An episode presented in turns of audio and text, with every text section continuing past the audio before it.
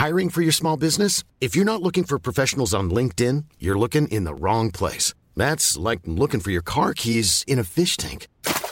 LinkedIn helps you hire professionals you can't find anywhere else, even those who aren't actively searching for a new job but might be open to the perfect role. In a given month, over 70% of LinkedIn users don't even visit other leading job sites. So start looking in the right place. With LinkedIn, you can hire professionals like a professional. Post your free job on linkedin.com slash people today. It's that time of the year. Your vacation is coming up. You can already hear the beach waves, feel the warm breeze, relax, and think about work. You really, really want it all to work out while you're away. Monday.com gives you and the team that peace of mind. When all work is on one platform and everyone's in sync, things just flow wherever you are. Tap the banner to go to Monday.com.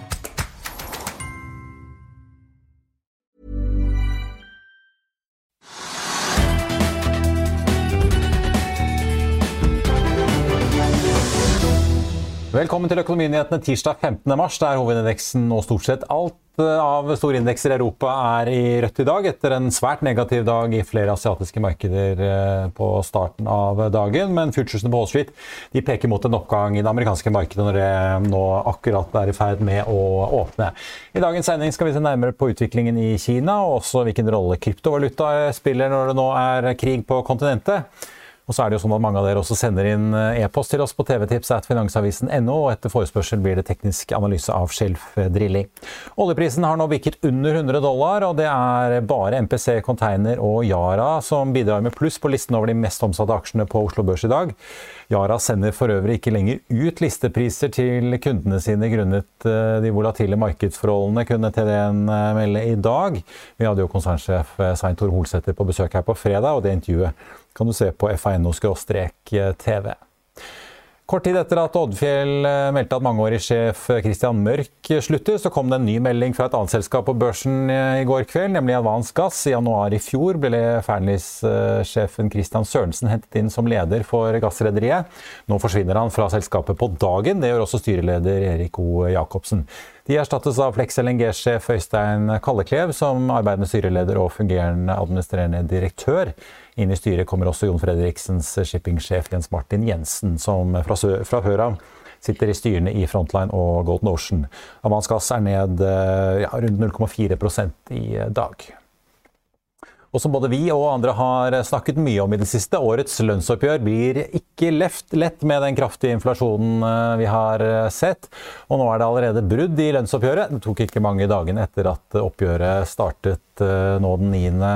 mars, før det tirsdag altså ble brudd. Fellesforbundet i LO skriver at de har brutt med NHOs Norsk Industri og at de derfor går til megling hos eh, Riksmegleren. Forbundet skriver at de ikke har lykkes med å få øket eh, kjøpekraft og en videreutdanningsreform, og det samme påpeker Parat, som også bekrefter at de har brutt med norsk industri.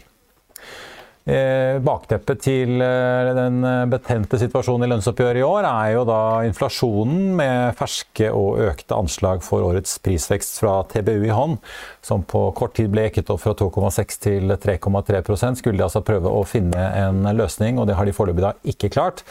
Og apropos eh, prisvekst, går man inn på Nordpol sin oversikt eh, for strømmarkedet, så blir det sånn i morgen tidlig at prisen i Vest-, Øst- og Sør-Norge kommer opp i 2 kroner og 45 øre kilowattimen, med et dagssnitt på 1,9. Til sammenligning ligger Nord- og Midt-Norge bare på 0,14. Og så er det jo selvfølgelig da pumpeprisene, som de fleste har sett, ligger godt opp på 20-tallet. Videre på makrofronten så kom eh, Regionalt nettverk med sin eh, rapport, som altså blir den siste store makroinputen som Norges Bank får før rentemøtet i neste uke. Regionalt nettverk eh, kan melde om at aktiviteten i norsk næringsliv fortsetter å øke. Nedstengingen før jul bidro til et fall i tjeneste, tjenestene mot husholdningene, mens de øvrige næringene rapporterer om eh, vekst. Og bedriftene venter sterkere vekst det neste halvåret. Samtidig har over halvparten kapasitetsbegrensninger, og andelen er den høyeste siden høsten 2007. Kapasitetsbegrensningene har tiltatt i alle næringer unntatt varehandelen, og det meldes også om problemer med å få tak i nok arbeidskraft. Bedriftene i nettverket har oppjustert anslaget sitt for årslønnsveksten sin fra 3,3 i november til 3,7% nå i denne rapporten. Og så får vi også minne om at allerede i morgen kveld er rentemøte i den amerikanske sentralbanken, som vi skal snakke mer om her på torsdag. Før vi går videre i sendingen, husk at du også kan se sendingene våre ved å gå inn på fano-tv, og at vi også har andre podkaster enn bare Økonominyhetene, som Morgenkaffen, Gründerpodkasten Veien hit, Ukens vintips, Kunstpraten og bilpodkasten Mil etter mil. De finner du ved å søke Finansavisen, der du hører på podkast. Hos våre naboer i Tyskland så melder landets største energiprodusent og innkjøper av russisk gass, RWE, om eh, at eh, eller de advarer mot driftsrisiko og insolvente kontraktspartnere med en ytterligere eskalering i Ukraina-konflikten. I tillegg så kom fremtidsindeksen fra det tyske ZEW-instituttet i dag, og den har gått på den største smellen siden indeksen startet i desember 1991, marsmålingen viser et tall på minus 39,3 poeng mot pluss 54,3 i februar. Det kraftige fallet er langt mer enn ventet, og også mye kraftigere enn det vi så i mars 2020. Da har jeg fått med meg Anders Pedersen Bjergård, redaksjonssjef her i Finansavisen i studio. Anders, vi må snakke litt om eh, det som skjer på børsen i dag. Flere av de store oljeaksjene sliter litt i dag, men kanskje den eh, store er eh, Kongsberg Automotive som faller over 10% etter at de slapp eh, kvartalstall. Hva er det som skjer med denne bildelprodusenten vår? Det mest interessante i rapporten er at de kutter guidingen. Det skaper usikkerhet i dagens, dagens marked. Ja, for De tør ikke å si noe om hvordan 2022 blir, rett og slett? Nei, det er altfor stor usikkerhet. De, de, de, skriver i rapporten at omsetningen vil stige litt, og så vil det justerte driftsresultatet være på samme nivå eller litt, uh, litt lavere. Ja, Hvis de ikke hadde hatt all den uroen uh, i Ukraina, antar jeg? Ja. Så, men det mest interessante i rapporten er at de skryter av den guidingen sin. Det er veldig morsomt. At de nådde 2021-guidingen. Eh, i, i, fjor. Og ja, for de har jo slitt med altså, halvledermangel, eller chipsmangel, eh, på linje med veldig mange andre. Ja, men det morsomme det er at eh, de skryter av å på en måte slå sine egne estimater. Det blir jo litt som at jeg, hvis jeg skal løpe 3000 meter, så sier jeg til deg jeg skal løpe på 14 minutter som er en veldig dårlig tid. Og så tar jeg løpet på 14 minutter, og så kommer jeg og skryter av det etterpå. Se hva jeg klarte. du, eh, så får vi se da om de klarer etter hvert å komme med en, eh, med en uh, guiding. Vi så i hvert fall at uh, omsetningen var ganske stabil, men resultatene falt uh, en god del. En annen aksje som sliter veldig mye i dag, litt apropos oljeaksjer som faller, PGS ned 25% til 2,90. Det er vel en analytikeroppdatering fra ECB som drar ned den eh, aksjen. De spår den i 0,5 kroner. Og da er det fortsatt solid nedside. Ja. Og det er skummelt du, når analytikere kommer med så kraftige salgsanbefalinger. Så får vi kanskje minne om eh, Det er jo ikke alltid lett å holde styr på TGS og PGS eh, i denne seismikkbransjen, men det er da TGS som også Tveitereid har satset på, mens PGS er da selskapet som veldig mange forventer er nødt til å restrukturere gjelden sin. TGS nok, har nok litt bedre balanse, for å si det pent. Ja. Også en annen som sliter i dag, Doff. De var jo ned nesten trygge, og jeg snakket om det i går, nesten 36 i går. Fortsetter ned i dag. Der kom det jo en melding på fredag om at det fortsatt ikke er noen løsning. Der er det jo noen mindre, mindretallsaksjonærer som driver opprør. Ja, De kom vel ikke så langt på vei, tror jeg. Ja. Eh, nei. Det er vel en aksje, en zombie, såkalt zombieaksje som der vil det skje restruktureringer, og kreditorene vil sitte igjen med mesteparten av verdiene. Ja, Så merket jeg meg også at eh, Jakob Pedersen i Sydbank er ute og har eh, estimert at SAS eh, får seg en ekstrasmell på 3 milliarder pga. Høye, høye drivstoffpriser. Og det treffer jo for så vidt alle, alle disse stakkars flyselskapene som har slitt lenge med pandemien. Ja, De har bare hatt utur på utur nå. Jeg syns nesten synd på dem. Ja, da skal vi eh, straks ta med dagens gjest, men først så skal vi innom Kina. For vi har jo sett uh, hvordan asiatiske børser, særlig de kinesiske altså, har falt ganske markant tilbake den siste tiden. Bare i dag endte Hang Seng-indeksen i Hongkong ned 5,7% og det er omtrent det samme fallet som vi også så i går. I Shanghai har vi også sett uh, noe lignende, og ser vi på utviklingen siden nyttår, så er det kinesiske aksjemarkedet nå ned rundt 20% Uroen skyldes ikke bare den generelle usikkerheten i markedet, men også konsekvensen av oppblomstringen eh, til koronaviruset. Vi tok en prat med DNB Markets eh, makroøkonom Kelly Chen om eh, hva som nå skjer. Kelly, takk for at du er eh, med oss. Vi har jo sett at det er en ganske hard linje og er eh, streng i smitteverntiltakene fortsatt, med det som jo virker som regelrette nedstenginger av flere byer eh, fortsatt. Hva er det egentlig som skjer der borte nå?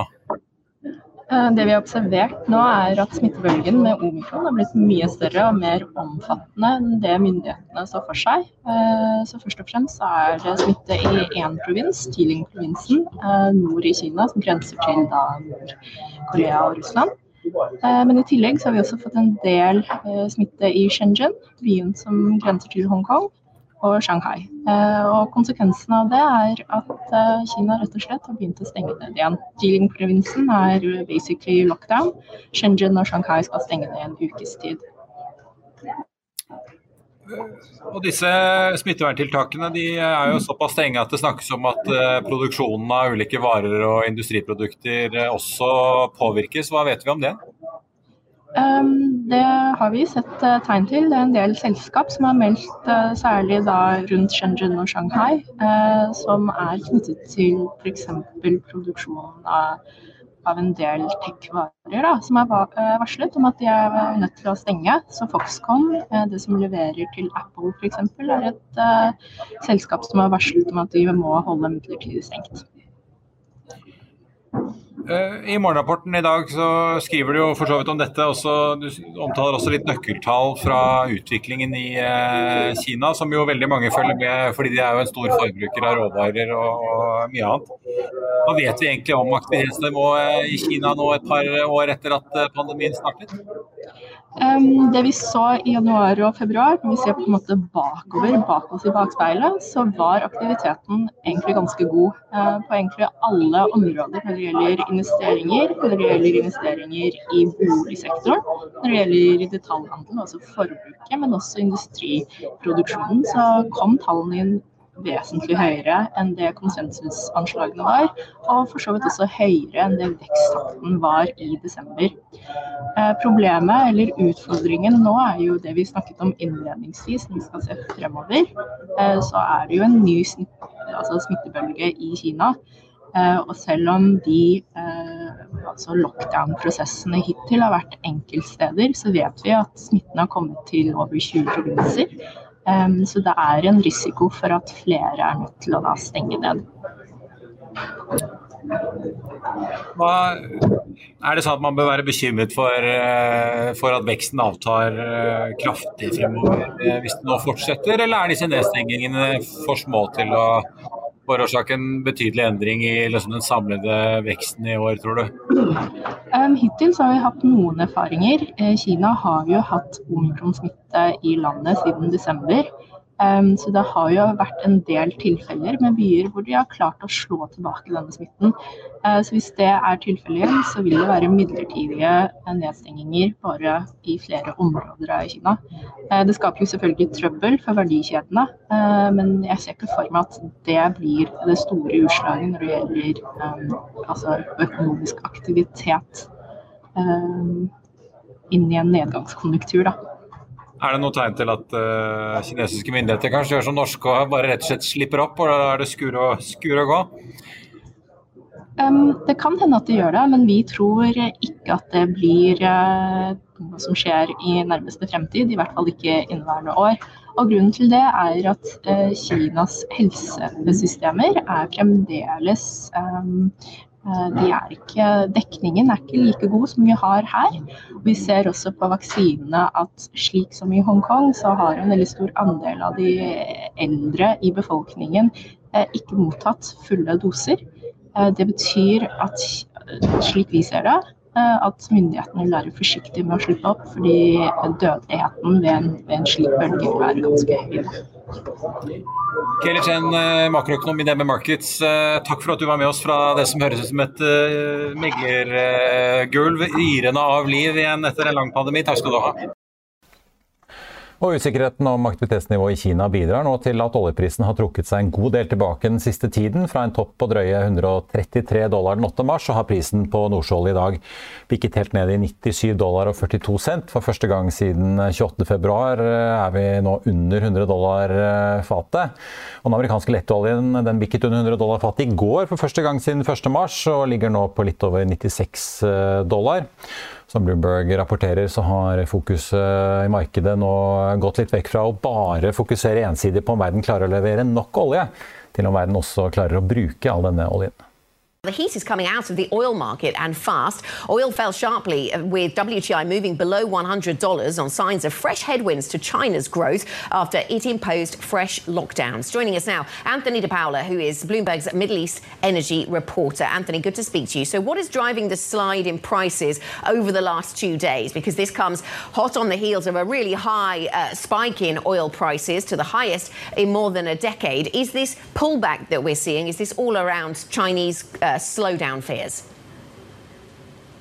Good morning, Anna. Uh, yeah, I think it's got a lot to do with, with what you just mentioned, that kind of weakness in the Chinese market. And uh, we've been so focused on supply issues, whether there's enough oil in the market, uh, the uncertainty over the war in Ukraine, that's really pushed up the prices and, and, and brought us to those peaks. And, and, now the focus has switched more to uh, some of the demand side. And, and with that shutdown, uh, excuse me, that lockdown in Shenzhen, that's really spooked people uh, as to the strength of demand and, and whether that demand comes out of the market and really brings those prices down. Plus, we've got uh, some of those positive sounds that you were uh, talking about earlier in the last segment uh, coming out of the U.S. Uh, China meeting uh, in uh, Rome and those ongoing discussions between uh, Russia and Ukraine, uh, potentially looking for some kind of uh, ceasefire, some kind of way out, some kind of halt to these um, to the violence there. And, and, and those mm. that positivity, the market is grasping for that yesterday, and, and now we're looking at this concern about the strength of demand coming out of China and because of these uh, these COVID outbreaks, Anna. I'm Sandra, and I'm just the professional your small business was looking for. But you didn't hire me because you didn't use LinkedIn Jobs. LinkedIn has professionals you can't find anywhere else, including those who aren't actively looking for a new job but might be open to the perfect role, like me. In a given month, over 70% of LinkedIn users don't visit other leading job sites. So if you're not looking on LinkedIn, you'll miss out on great candidates like Sandra. Start hiring professionals like a professional. Post your free job on linkedin.com slash people today. I'll see you in court. Vi sier det ofte litt på spøk, men for deg som driver business, er det aldri moro å innse at du ikke har laget en 100% gyldig kontrakt. Du bør ikke risikere hele firmaet ditt fordi du synes dette med kontrakter er litt stress. En avtale er ikke en avtale. Du kan miste kunder, miste venner, ja, til og med miste inntekter om du ikke lager en skikkelig kontrakt, på alt mulig, egentlig. Men vi vet det er et styr. Kopimaskiner, tregprinter og haugevis av papir. Dessuten stoler vi jo på folk her i landet. Det er ofte litt kleint å skulle be om en signatur for alt mulig, ja, for mye av styret handler også om jakten på underskriften. Det finnes en enkel måte å løse dette på, Dukkobit. En trygg, effektiv og gettis gratis måte å sikre seg en god natts søvn pluss en juridisk bindende avtale. Dukkobit-appen har de strengeste sikkerhetskrav i bunn, samt en EU-godkjent og sertifisert teknologi. Framover vil det bli behagelig å spørre du, skal vi skrive under på det, eller? Kom i gang på dukkobit.no. Og Da kan vi ønske velkommen tilbake til eh, dagens eh, gjest. for Da han var her i slutten av januar, så snakket vi om eh, hva som skjer i kryptoverden, og hvordan krypto har falt på linje med en rekke vekstaksjer den siste tiden. Men i mellomtiden har vi jo fått et nytt sjokk inn i finansmarkedet i form av krig og voldsomme sanksjoner. Så hva skjer nå da? Velkommen til oss, Torbjørn eh, Bull Jensen, eh, administrerende direktør i Arcane.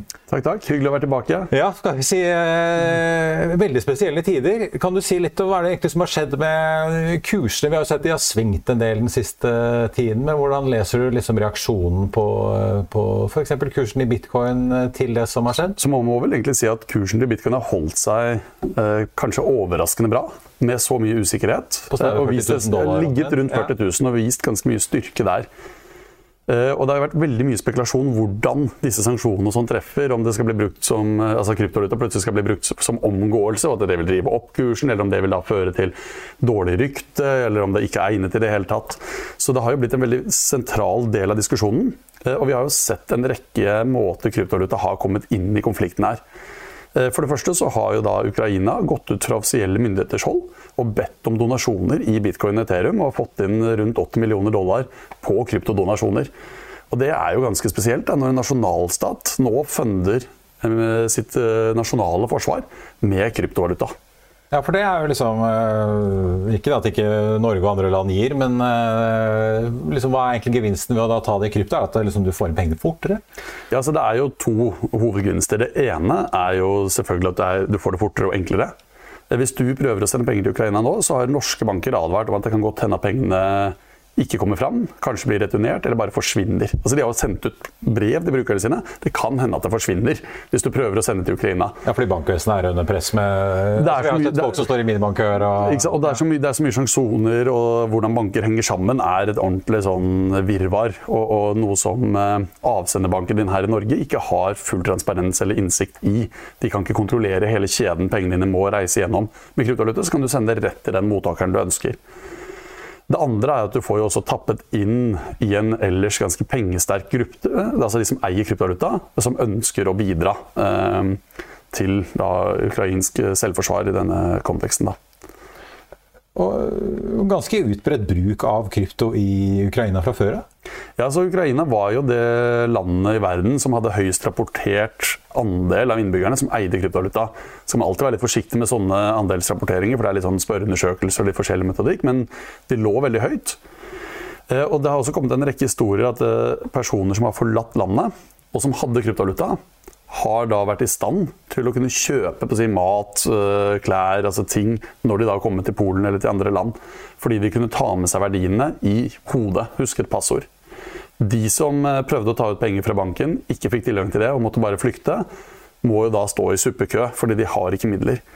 Disse historiene kommer jo nå til å spre seg, fordi de som da eide kryptovaluta, fikk en større finansiell fleksibilitet i en krisesituasjon og det vil andre merke seg. Venner, familie. Eh, og si, snøballen vil rulle. Der flere vil lære eh, den styrken det er å eie litt kryptovaluta. Anders, du har jo eh, faktisk satt litt penger i krypto. Vi har ikke lov til å trede aksjer i, selvfølgelig når vi jobber her, men valuta kan vi jo sitte i. Ja, så jeg eier, litt Ethereum. Så, så, den er jo litt mer volatil enn en bitcoin, en bitcoin. Ja, for det er jo fortsatt en ganske stor kryptovaluta, men litt tynnere volumer, kanskje? Ja, nei, market capen er enorm. Eh, det er litt to forskjellige caser, egentlig. Eh, det er et, mer teknologiveddemål, mens bitcoin er jo store of value. Mm. Ja, altså det er to, ja, som du sier, det er to veldig forskjellige prosjekter og veldig forskjellige risikoprofiler. Begge veldig interessante. Eh, men vi trenger vel en hel episode hvis vi skal dypdykke i Ethereum versus bitcoin. Men eh, vi må snakke litt om, apropos, Vi nevnte jo sanksjoner. altså Overfor Russland så har jo Vesten nå begynt å utestenge ikke alle, men eh, ganske mange banker fra Swift-systemet i tradisjonell betaling. Eh, det er sanksjoner ilagt mot en haug med enkeltpersoner. Kan man liksom sno seg helt rundt med kryptovaluta hvis man er russisk oligark og uh, trenger drivstoff til yachtene sine om dagen? Ikke egentlig. Det er ganske vanskelig. For det første så er jo veldig mange av kryptovalutavekslerne, altså disse børsene, sentraliserte. Og de fleste av de følger de sanksjonslistene som er der ute. Uh, så du har jo da børsen Coinbase, som da blokkerer både wallets, altså som er da assosiert med folk som er på sanksjonslister, eller hvor risikoen er for høy og også vil sanksjonere brukere. Eh, det vi ser, er at for eh, enkeltmennesker og litt mindre mennesker, så kan dette være lettere. Eh, så både Russland og Ukraina er jo land med veldig store migrantoverføringer. Altså du har rundt 30 milliarder dollar i året som går ut og inn av Russland, veldig mye til Sentral-Asia. Rundt 20 milliarder dollar til Ukraina. Disse pengestrømmene er jo nå bortimot umulig fordi bankene blir stengt. Men det rammer jo da ikke-sanksjonerte innbyggere, eh, som da lettere kan benytte kryptovaluta som et alternativ. Så for så kunne jeg da sendt eh, Eller jeg har en kollega som har familie eh, gjennom kona i Ukraina. Da kan han sende bitcoin til de. Som de da kan finne noen som er villig til å kjøpe fordi de f.eks. skal forlate landet. Er du stor oligark, så er det liksom, det er jo yachtene dine som blir beslaglagt, og de er verdt ganske så mye. Eh, og du får ikke, det er ikke så lett å komme med veldig mye penger og få kjøpt veldig mye bitcoin som en sanksjonert oligark. fordi du må finne noen som er villig til å sitte på den andre siden av den traden. Ja, ikke sant? Jeg skulle si, altså, du kan jo, teorien er det ingen som kan hindre deg fra hvis du sitter med noe bitcoin og overfører til hvem du vil.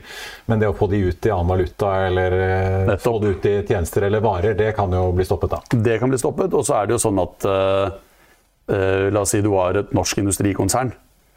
Uh, så har du ikke Du kan jo da fortsatt sanksjoneres som selskap. Selv om da betalingskorridorene brukte var vanskeligere å sensurere. Men sånn som dere Arcane opplever dere at myndigheter er på dere for å finne ut hva som rører seg, hva som skjer i denne verden?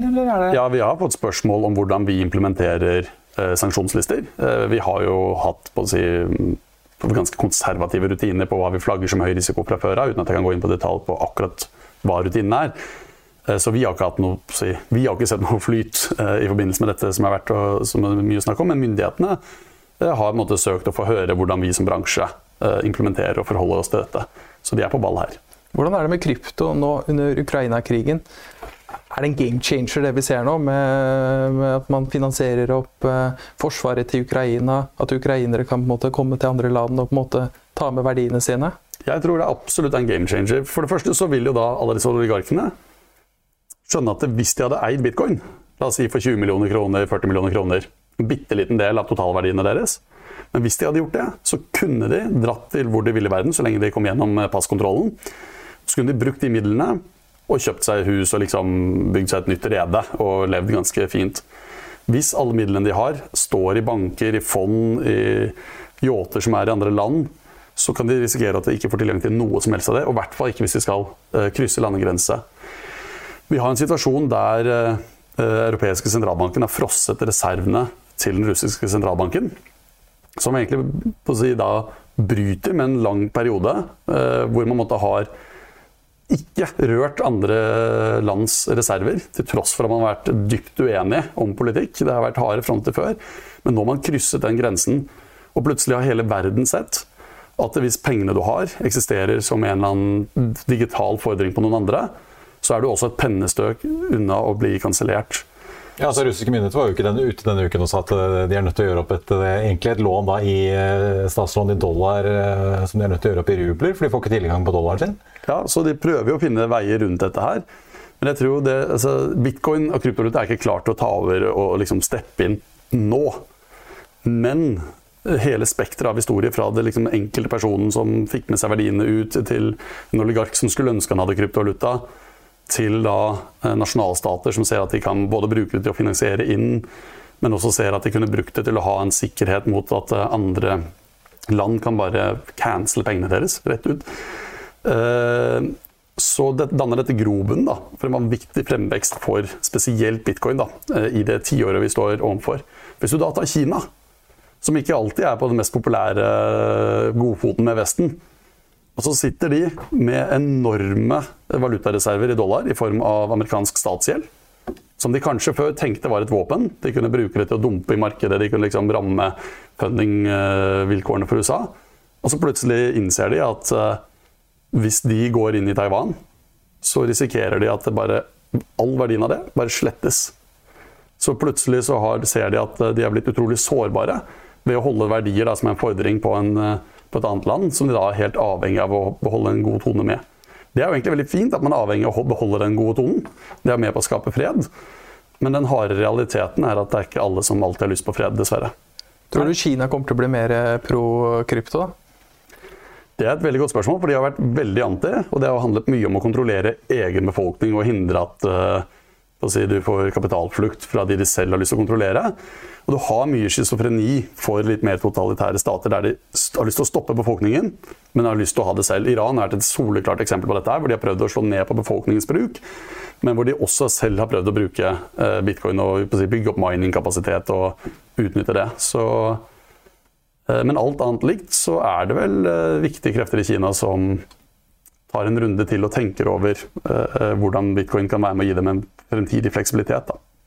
Hvordan er det nå, altså, det at USA og Vesten da, for å si det sånn, har såpass kontroll over eh, Visa Mastercard, Swift-systemer og mye annet, gjør dette at de nå ønsker å ta, eller forsøke å få mer kontroll over eh, kryptovaluta? Da? Vi så jo det var en avstemning i EU-parlamentet denne uken eh, hvor det et, hva skal vi kalle et implisitt forbud mot krypto på en måte oppe. Det ble jo, gikk jo ikke gjennom, men likevel? Nei, altså det, Den avstemningen var jo blitt litt sånn overdrevet i media, eh, og handlet vel egentlig mest om at enkelte politikere hadde lyst til å bare si at de stemte, og se vi, vi gjorde noe miljømessig, men bryr seg egentlig ikke. USA derimot er mye mer interessant. Der hadde Biden en executive order nylig hvor det er ganske mye positivt språk. For De sier helt tydelig dette må vi følge med på, at det regulerer de forskjellige myndighetsorganene skal være på ball her. Men understreker også poenget at dette kan være viktig for verdiskaping, for innovasjon, at USA kan ta en lederrolle her. Så USA gjør det igjen. De har gjort det gang på gang eh, i nyere historie. Tatt en lederrolle innenfor nye teknologiparadigmer. Og du ser de ønsker å gjøre dette også innenfor kryptovaluta. Når det gjelder kontroll, så kommer det til å bli litt som med internett. Det kommer til å være deler av dette her som er veldig kontrollert og veldig kontrollerbart. Så kan det være deler som er veldig vanskelig kontrollerbart. Men si, etterretning, politi osv. kommer til å ha verktøy og det kommer til å være litt sånn katt og mus mellom eh, det man kaller kriminell eller uønsket aktivitet, eh, og de som prøver å stoppe det. Eh, og Det er en realitet som vi alltid har levd med, og som vi kommer til å fortsette å leve med også med kryptovaluta. Ja, for det, De de må gå løs på da, er jo alle disse vekslerne som du var inne på. altså De som f.eks. veksler mellom dollar eller euro og, og bitcoin. Ja, og, og, det, er der, det er der i kjeden du på det, de, det er der de har gått tradisjonelt, og det er der de kommer til å fortsette å gå. Uh, og vi skal jo ikke glemme at det er jo masse kriminelle penger som sløsjer gjennom det eksisterende finansielle systemet. Så man har jo ikke lykkes med å stoppe kriminalitet. Og, og, det, og det, er liksom, det, er jo nesten på grensen til litt naivt å tro at hvis du bare fikk god nok overvåkning, så kom du ikke til å ha narkotikakjøp. Det er liksom ingenting som indikerer det. da. Uh, så, men det betyr ikke at man er helt uten verktøy, og det er man heller ikke i kryptovaluta. Så man fortsetter å ha den der balansegangen. Man får til noe, men ikke alt. Hvordan er, hvordan er volumene i kryptomarkedet nå? De, er, de, er, de, svinger jo mye, men de er jo fortsatt eh, relativt høye. Altså man eh, Litt avhengig av eh, hvilke børser du tar med, og måte, hvordan du tar med eller ikke tar med derivatvolum. Så hvis det er liksom spot-volumet ligger jo rundt 20 milliarder dollar om dagen. da. Men det er vel mindre interesse for såkalt alcoins nå? Mindre alcoins? Ja, og det er jo også interessant for så vidt. Hvis vi får trekke tilbake til krigen her, så har man sett en ganske stor oppsving for USDT, en sånn dollar stablecoin, som indikerer at det har liksom vært snakk om eh, si, reell pengeflyttingsmotivasjon. Eh, og da trenger man ikke denne eksponeringen du trenger når du skal gamble på en eller annen eh, altcoin. Eh, og da måtte si det at den er dollar-denominert, eh, da kanskje vært mer praktisk. Så du ser jo det er jo fortsatt masse prosjekter som har mye interesse og som svinger opp og ned, men du, absolutt det har vært en eh, god avkjøling i altcoin-markedet også. Hva sitter du på nå, da? Bitcoin? Ethereum? Av kryptovaluta så sitter jeg, jeg er veldig konservativ og kjedelig, så jeg sitter på bitcoin. Eh, Ethereum syns jeg er veldig spennende, men eh, jeg sitter foreløpig på, på alt gjort egentlig hele veien på en ren bitcoin-eksponering. Og så har jeg én NFT, og det var ikke fordi at jeg skulle investere, men den bare måtte jeg kjøpe. Testet. Til slutt, eh, da du var her sitt, så snakket vi litt om den eh, sammenhengen vi har sett mellom utviklingen i vekstaksjer og, og bitcoin. Tror du det frikobler seg litt mer nå? Som på, på, på sikt så kommer det til å måtte frikoble seg hvis bitcoin-adopsjonen fortsetter. Men altså, den og, og, og krigen, krigen er nok med på å akselerere det. fordi krigen akselererer det geopolitiske og sensurresistente brukskriset for bitcoin. Så der på en måte før krigen eh, primærdriveren bare var liksom spekulasjon og at det er mye penger som slusher, og det er liksom de samme likviditeten som slusher inn i tech-aksjer som slushet inn i kryptovaluta, så ser man nå en akselerasjon av andre motivasjoner da, for å ta og bygge opp eh, eh, posisjoner. Men det vil nok ta tid. fordi først nå så har man hatt liksom, øyeåpnerhendelsen. Eh, man ser på en måte hvor eh, raskt hvor omfattende sanksjoner kan puttes eh, på plass, og liksom hvem som rammes av det, både intendert og uintendert. Og så vil det ta tid før da kunnskapen for alle som ønsker å posisjonere seg rundt dette her, eh, om det er individer som skal ta det med seg eller ikke, bygges opp. da. Så det blir jo ikke noe som Man ser for høyde volumer på disse børsene, men det er ikke så store volumer uh, at det virkelig liksom spiller en rolle helt enda da. Åpenbart uh, mange som tenker seg om hvordan de skal håndtere dette. Er sikkert ulike myndighetsorganer rundt i verden nå, vil jeg tro. Det er det absolutt. Og det er Ja, det, det kommer til å både komme mer regulering, men det kommer også til å komme bedre verktøy for å gjøre dette regulert. Samtidig som det store skiftet er jo at individer får mulighet til å holde en penge som ikke myndighetene kan printe bort. Som da prisen kan gå opp eller ned, men det er ikke myndighetenes printing som sender inflasjonen i taket. Og som du kan ta med deg Eh, hvis du blir tvunget til å måtte forlate eh, hjemlandet ditt og kunne ta med deg uten at det beslaglegges på grensen. Det skal bli veldig interessant å se hvilke nye vaner som settes i denne situasjonen. her. Torbjørn Bøhl Jensen i Arcane, takk for at du kom til oss. Da skal vi ta med at Eh, flyselskapet Norse Atlantic, som også planlegger å gjenoppta langdistansesatsingen som Norwegian prøvde seg på over Atlanterhavet, har sendt ut en børsmelding nå i ettermiddag der de melder om at de har sikret seg slotts, altså landingsrettigheter på Gatwick-flyplassen utenfor London. Samtidig kommer det også frem i børsmeldingen at selskapet nå er nødt til å justere lanseringsplanene som følge av økte drivstoffpriser og usikkerheten som preger eh, reise- og flymarkedet. I børsmeldingen så kommer det frem at billettsalget som egentlig skulle starte nå i mars, nå er planlagt til å starte i april. Og at selskapets første flyvning er forventet i juni. Tidligere har jo Norse snakket om at den første flyvningen ville skje da i andre kvartal. Etter planen så er det jo snakk om ruter til bl.a. Fort Lauderdale i Florida og Stuart utenfor New York, eh, og da med ruter fra Norge og bl.a. London.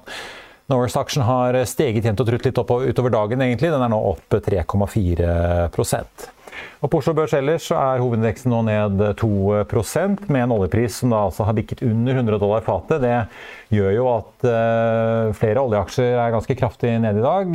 Equinor ned 1,9 Aker BP ned 3,9 og så er det også ganske tungt i Norsk Hydro, som er ned nesten 5 Arendals Fosse Kompani ligger også godt oppe med en omsetning på 160 millioner kroner.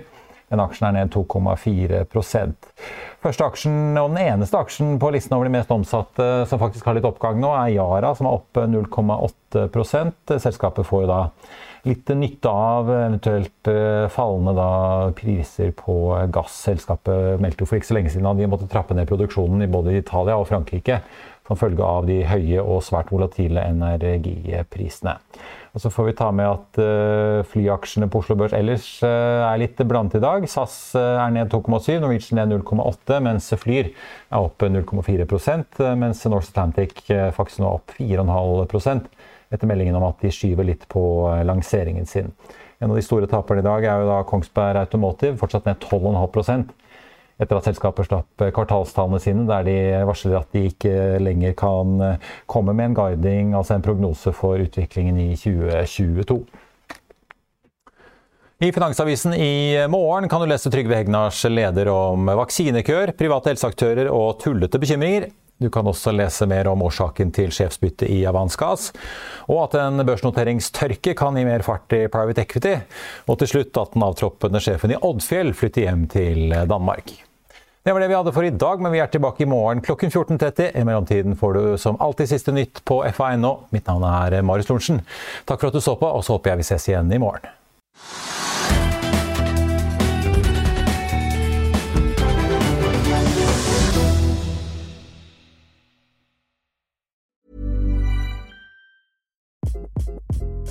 Hi, this is Craig Robinson from Ways to Win, and support for this podcast comes from Invesco QQQ, the official ETF of the NCAA. The future isn't scary. Not realizing its potential, however, could be. Just like on the recruiting trail, I've seen potential come in many forms as a coach. Learn more at Invesco.com slash QQQ. Let's rethink possibility. Investco Distributors, Inc.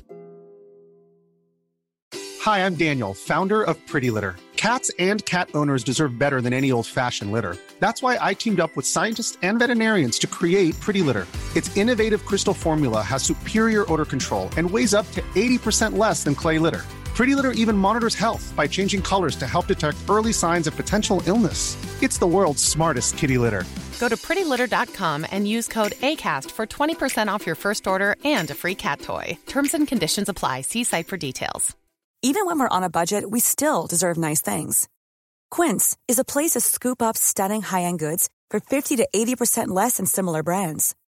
They have buttery soft cashmere sweaters starting at $50, luxurious Italian leather bags, and so much more. Plus, Quince only works with factories that use safe, ethical, and responsible manufacturing. Get the high-end goods you'll love without the high price tag with Quince. Go to quince.com/style for free shipping and 365-day returns. Økonominyhetene er en podkast fra Finansavisen. Programledere er Marius Lorentzen, Stein Ove Haugen og Benedikte Storm Bamvik. Produsenter er Lars Brenden Skram og Bashar Johar. Og ansvarlig redaktør er Trygve Hegnar.